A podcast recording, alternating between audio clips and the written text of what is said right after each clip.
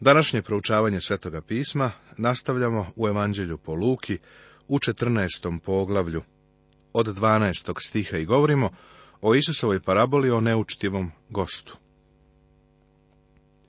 Zatim gospod ispravlja domaćina, a i onome što ga je pozvao reče, kad priređuješ ručak ili večeru, nemoj da zoveš svoje prijatelje, niti svoju braću, niti svoje srodnike, niti bogate susede, da ne bi i oni tebe pozvali i uzvratili ti. Nego kad priređuješ gozbu, zovi siromahe, kljaste, hrome, slepe i bit ćeš blažen što ne mogu da ti uzvrate. Uzvratit će ti se o uskrsu pravednih. Gospod postavlja još jedan veliki princip. Većina nas pozove goste na večeru, a onda sljedeći put mi idemo kod njih, pa se to tako ponavlja, Sednica za sednicom. To je neka vrsta kruženja. Gospod osuđuje takvu praksu. Nema ništa loše u tome da svoju grupu povremeno pozoveš, ali da li si ikada razmišljao o tome da učiniš nešto za one koji ništa nemaju? Oni ti ne mogu vratiti. Neće moći da te pozovu na večeru sljedeće sedmice. Uradi neke stvari pri kojima ćeš biti samo davalac, bez ikakve pomisli o tome da ti se to vrati. Parabola o velikoj gozbi Možeš li zamisliti napetost na ovom obedu? Počelo je tako što je gospod iscelio čoveka sa vodenom bolešću, uprkos njihovom neodobravanju. Zatim je Isus pogledao te goste pravo u oči i ukorio njihovo ponašanje. Potom je ukorio domaćina. Veruj mi, atmosfera je baš bila napeta. Niko nije ni reč progovarao. Kada je to čuo jedan od gostiju, reče mu, blažen je onaj koji će jesti hleb u carstvu Božijem. Ovo je nesumnjivo jedna od otrcanih pobožnih fraza koje je taj čovjek imao običaj da izgovara. U tom neprijatnom momentu tišine, kada niko ništa nije govorio, jedan stari nitkov progovara i kaže, blažen je onaj koji će jesti hleb u carstvu Božijem. Voleo bih da sam bio tamo, pitao bi ga, šta pod tim podrazumevaš? Sumnjam da bi mogao da mi kaže šta je mislio.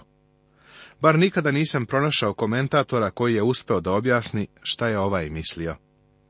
Njegova izjava nije ništa drugo do pobožna fraza. Takvih otrcanih fraza ima mnogo u našim konzervativnim krugovima. Tako sam umoran od njih. Jedna od najčešćih je slava gospodu. Divno je slaviti gospoda, ali ponekad postaje zamorno kad neko tu frazu stalno koristi, a u srcu ne slavi gospoda. Oslobodimo se tih pobožnih fraza. Gospod nije dozvolio da ovaj čovjek tek tako prođe sa svojom frazom. Okrenuo se ka njemu i mislim da su mu oči sjele besom dok mu se obraćao. Na to on reče, jedan čovjek je priredio veliku večeru i pozvao mnoge, a kad je bilo vreme za večeru, posla svoga slugu da kaže zvanicama, dođite, jer je već sve gotovo. Tada je vladao običaj da se mnogo unapred pošalju pozivi na ovakvu večeru, ali kad bi došao dan te gozbe, poziv je lično uručivan. Bog je poslao poziv. Šta će čovek uraditi sa njim? Bog poziva na spasenje. Možeš svoj put uzmeriti ka ovoj gozbi, možeš svoj put okrenuti ka njoj. Na ovu gozbu dolaziš blagodaću Božjom. Jer ste posredstvom vere blagodaću spaseni, i to nije od vas, Boži je dar, ne od dela, da se niko ne pohvali. Na gozbu stižeš tako što primaš dar. Jedino što će čovjeka isključiti iz neba jeste odbijanje da prihvati poziv. Gospod Isus je rekao, ti kažeš, blažen je onaj koji će jesti hleb u carstvu Božijem. To je pobožna besmislica. Evo šta ljudi rade sa Božijim pozivom. Tada počeše svi odreda da se izgovaraju. Prvi mu reče, kupio sam njivu, moram ići da je vidim. Molim te smatraj da sam se izvinio. Ovo nije izgovor, to je alibi.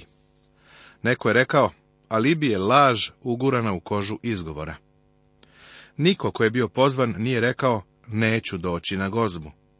Oni su jednostavno davali izgovore da bi prikrili činjenicu da ne žele da dođu.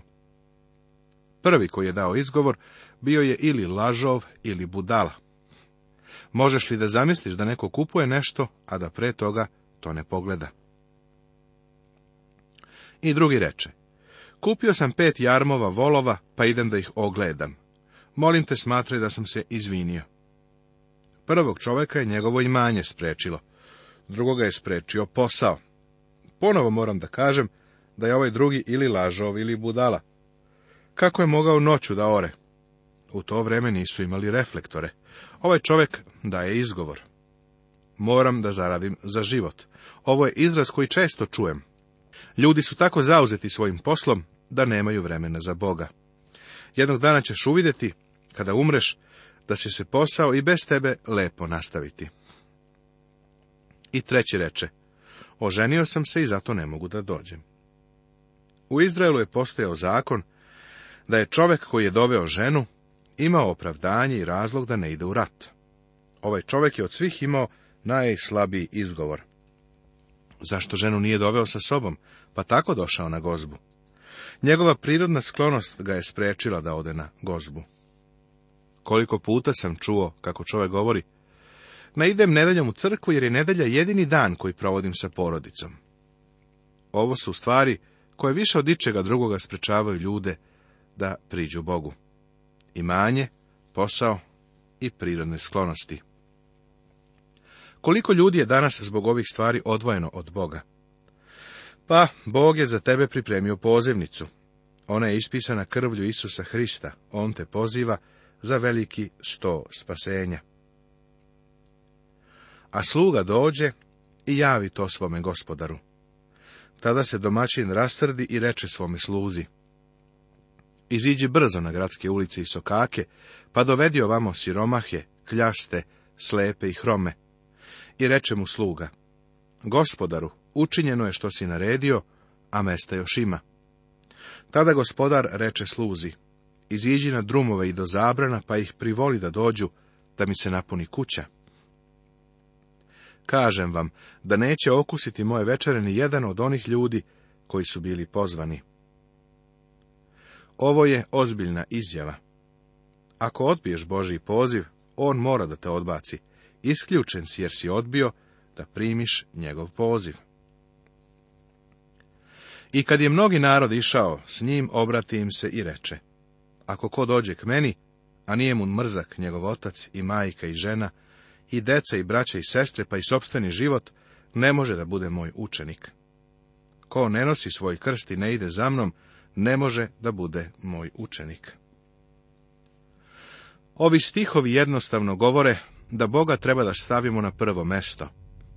Vernikova posvećenost Isusu Hristu treba da bude takva da u poređenju sa ostalim sve drugo deluje omraženo.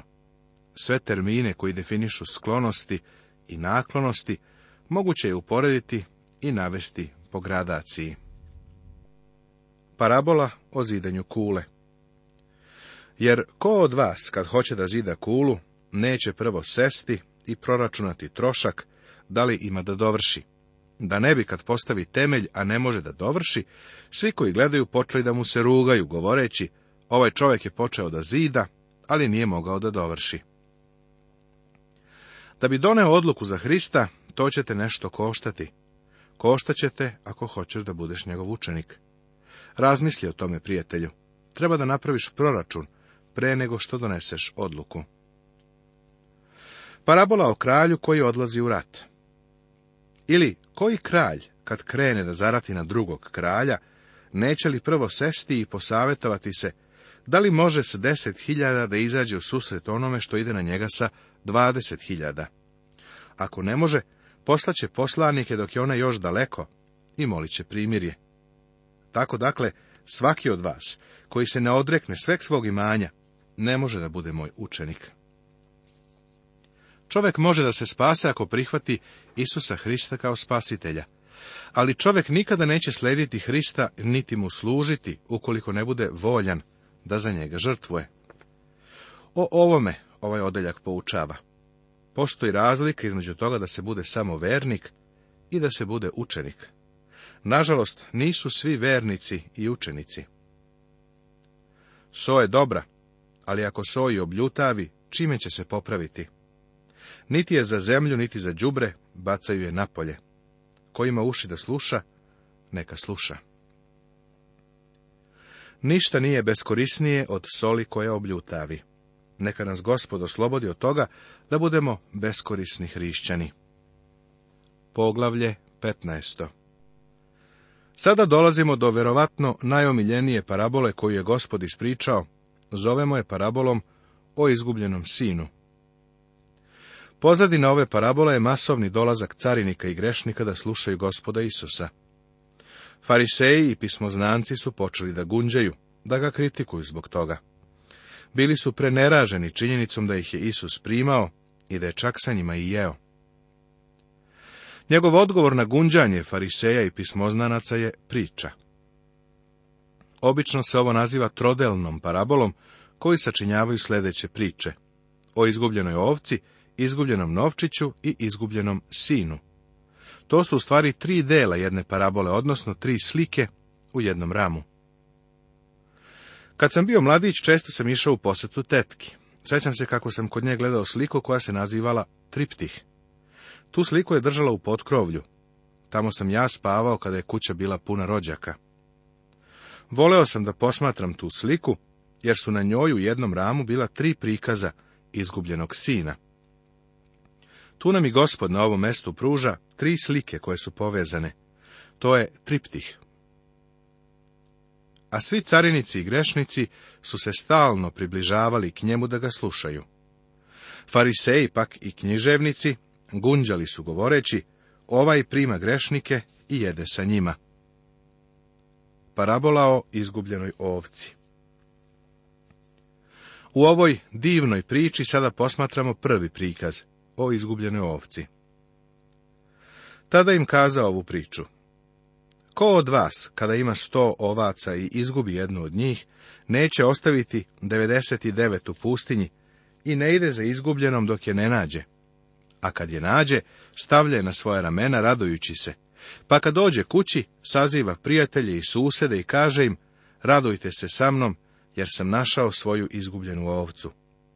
Kažem vam, tako će na nebu biti veća radost zbog jednog grešnika koji se kaje, nego li zbog 99 pravednika kojima pokajanje nije potrebno. Pastir u ovoj paraboli je veliki pastir Isus Hristos. Mi smo ovce. On ima stotinu ovaca, a jedna od njih se izgubila. Iskreno, to je bio baš dobar procenat, započeti sa stotinu, a završiti sa 99 ovaca. Međutim, ovaj pastir nije zadovoljan sa tih 99 ovaca. Kada se jedna ovca izgubila, on je otišao da je traži. Kada ju je našao, stavio je na ramena na mesto snage. On može u potpunosti da je izbavi. Prvosveštenik izraelskog naroda je nosio oplećak Na remenom delu oplećka su bila dva kamena. Na svakom od njih su bila urezana imena po šest plemena. Prvosveštenik je Izraelce nosio na ramenima. Naš veliki prvosveštenik nas nosi na ramenima, pa se nećemo izgubiti. Kada on počne sa stotinu ovaca, doći će do kraja sa njih sto, a ne sa devedeset devet. Ovo je slika gospoda Isusa Hrista koji traži one koji njemu pripadaju. Parabola o izgubljenom novčiću Drahmi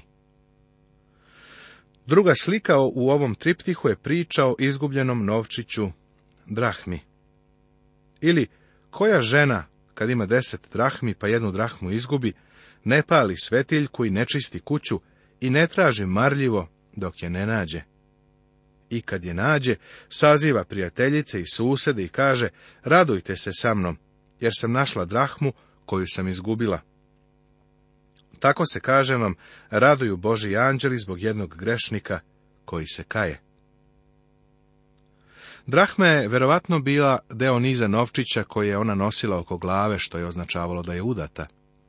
Izgubiti jedan deo tog niza je isto što i izgubiti kamen sa venčanog prstena.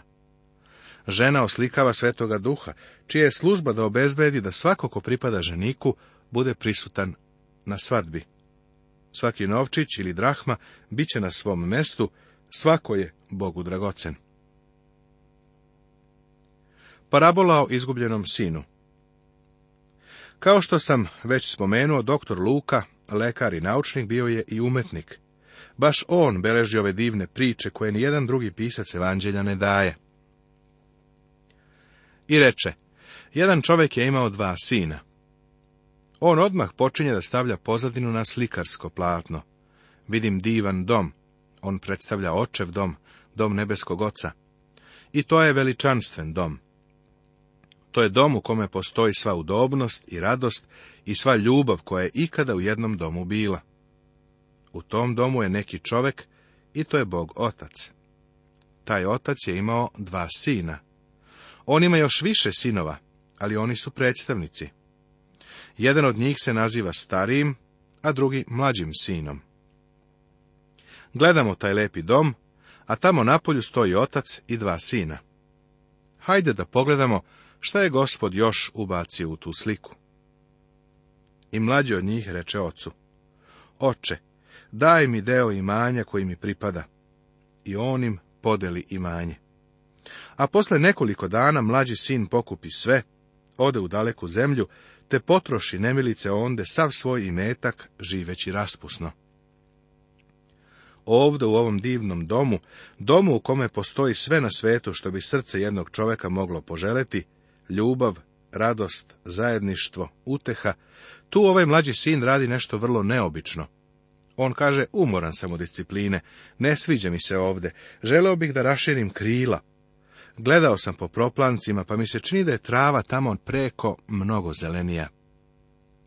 Ne znam zašto je to istina, ali i tebi i meni trava je na susednom proplanku uvek zelenija. Mladić je gledao napolje i rekao, kad bih samo mogao da odem tamo sam, to bi bilo divno.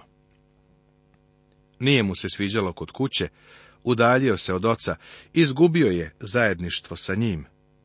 I tako mu je otac dao ono što mu je pripadalo, i mladić je otišao sa džepovima punim novca, koji nije zaradio, ništa nije učinio za sebe. Sve što je dobio dao mu je otac. Nije to stekao svojom sposobnošću, nije stekao zato što je pametan, niti zato što je naporno radio. Novac koji je imao u džepu bio je posljedica vrlo darežljivog oca. Tako mladić kreće ka dalekoj zemlji. Sada se scena menja imamo drugi prizor, a to je prizor strane zemlje. A ti bi mogao da je naslikaš kako god želiš. Možeš da je naslikaš u mračnim bojama. Mnogi su pokušavali da je tako prikažu. Mislim da slikanje tim sumornim bojama nije pretarivanje. Ovaj mladić je znao šta je to što ovaj svet naziva dobrim provodom. Obišao je sve noćne klubove, upoznao je kafane, imao je pare. Kada imaš novac, stičeš prijatelje koji su ti to samo u dobru. Izvesno vreme on je tako živeo. Uživao je u zadovoljstvima greha jedno vreme u toj dalekoj zemlji. Ovde sada naslika i svoju sliku. Gospod nam nije dao detalje svega onoga što je ovaj mladić radio, ali lako možemo zamisliti neke stvari koje je radio. Međutim, onda je došao dan kada je život na visokoj nozi bio završen posegnuo je u svoj džep i tamo više ništa nije ostalo. A kad je potrošio sve, nasta velika glad u onoj zemlji i on poče da oskudeva. Ne samo da je on bio u lošoj financijskoj situaciji, nego i cela zemlja bila u lošem stanju. Vidiš, zemlja za koju je mislio da je u njoj trava zelenija, u toj zemlji se sada trava osušila. Vladala je glad u toj zemlji i ovaj mladić nije znao šta da radi. Ako želiš da znaš istinu, on se plaši da ide kući. Nije trebalo da se plaši, ali se ipak plaši. Očajan je. Toliko je očajan da namerava da uradi nešto što jevrin nikada ne bi smeo da uradi, osim ako je došao do samoga dna. A ove ovaj mladić je došao do dna. Ne može da dobije posao. Tu mara unaokolo da bi pronašao nekog od prijatelja samo u dobru. I kaže, Sećaš li se kako si dolazio na gozbe koje sam prirađivao i na večere i kako sam čekom plaćao pića i devojke? Sećaš li se svega toga? Sada sam ja u lošoj situaciji. A taj, prijatelj samo u dobru kaže, baš mi je žao. Rekao si da si izgubio novac. Onda sam ja završio sa tobom, više me ne zanimaš. Moja sekretarica će te ispratiti. I mladić je, obilazeći vrata, otkrio da u toj dalekoj zemlji nije imao pravog prijatelja. Konačno je završio tako što je došao do ivice grada. Tu je bio jedan čovek koji je gajio svinje, to se moglo osjetiti na kilometar. Mladić je otišao kod njega i rekao, tražim posao. Ovaj čovjek je rekao, ali ja ne mogu da ti platim, znaš, u velikim smo teškoćama. Ali ako možeš da savladaš svinje, bar možeš da jedeš ovde. Ovo je prava tačka do koje je on potonuo. A kada je gospod o ovom čoveku rekao, Želeo je da napuni svoj stomak roščićima, koje su svinje jele, ali mu niko nije davao. Svi Izraelci i fariseji i carinici koji su ga toga dana slušali, uzdrhtali su, jer jevrein nije mogao dublje potonuti od ovoga. On nije smeo ništa da ima sa svinjama. To tek za početak, jer ih Mojsijev zakon odvaja od svinja, a spustiti se tamo gdje je ovaj mladić dospeo i živjeti sa svinjama, bilo je užasno je dakle, slika i to crna slika. Vidiš, ove ovaj mladiće dodirnuo dno. Nastavit će se.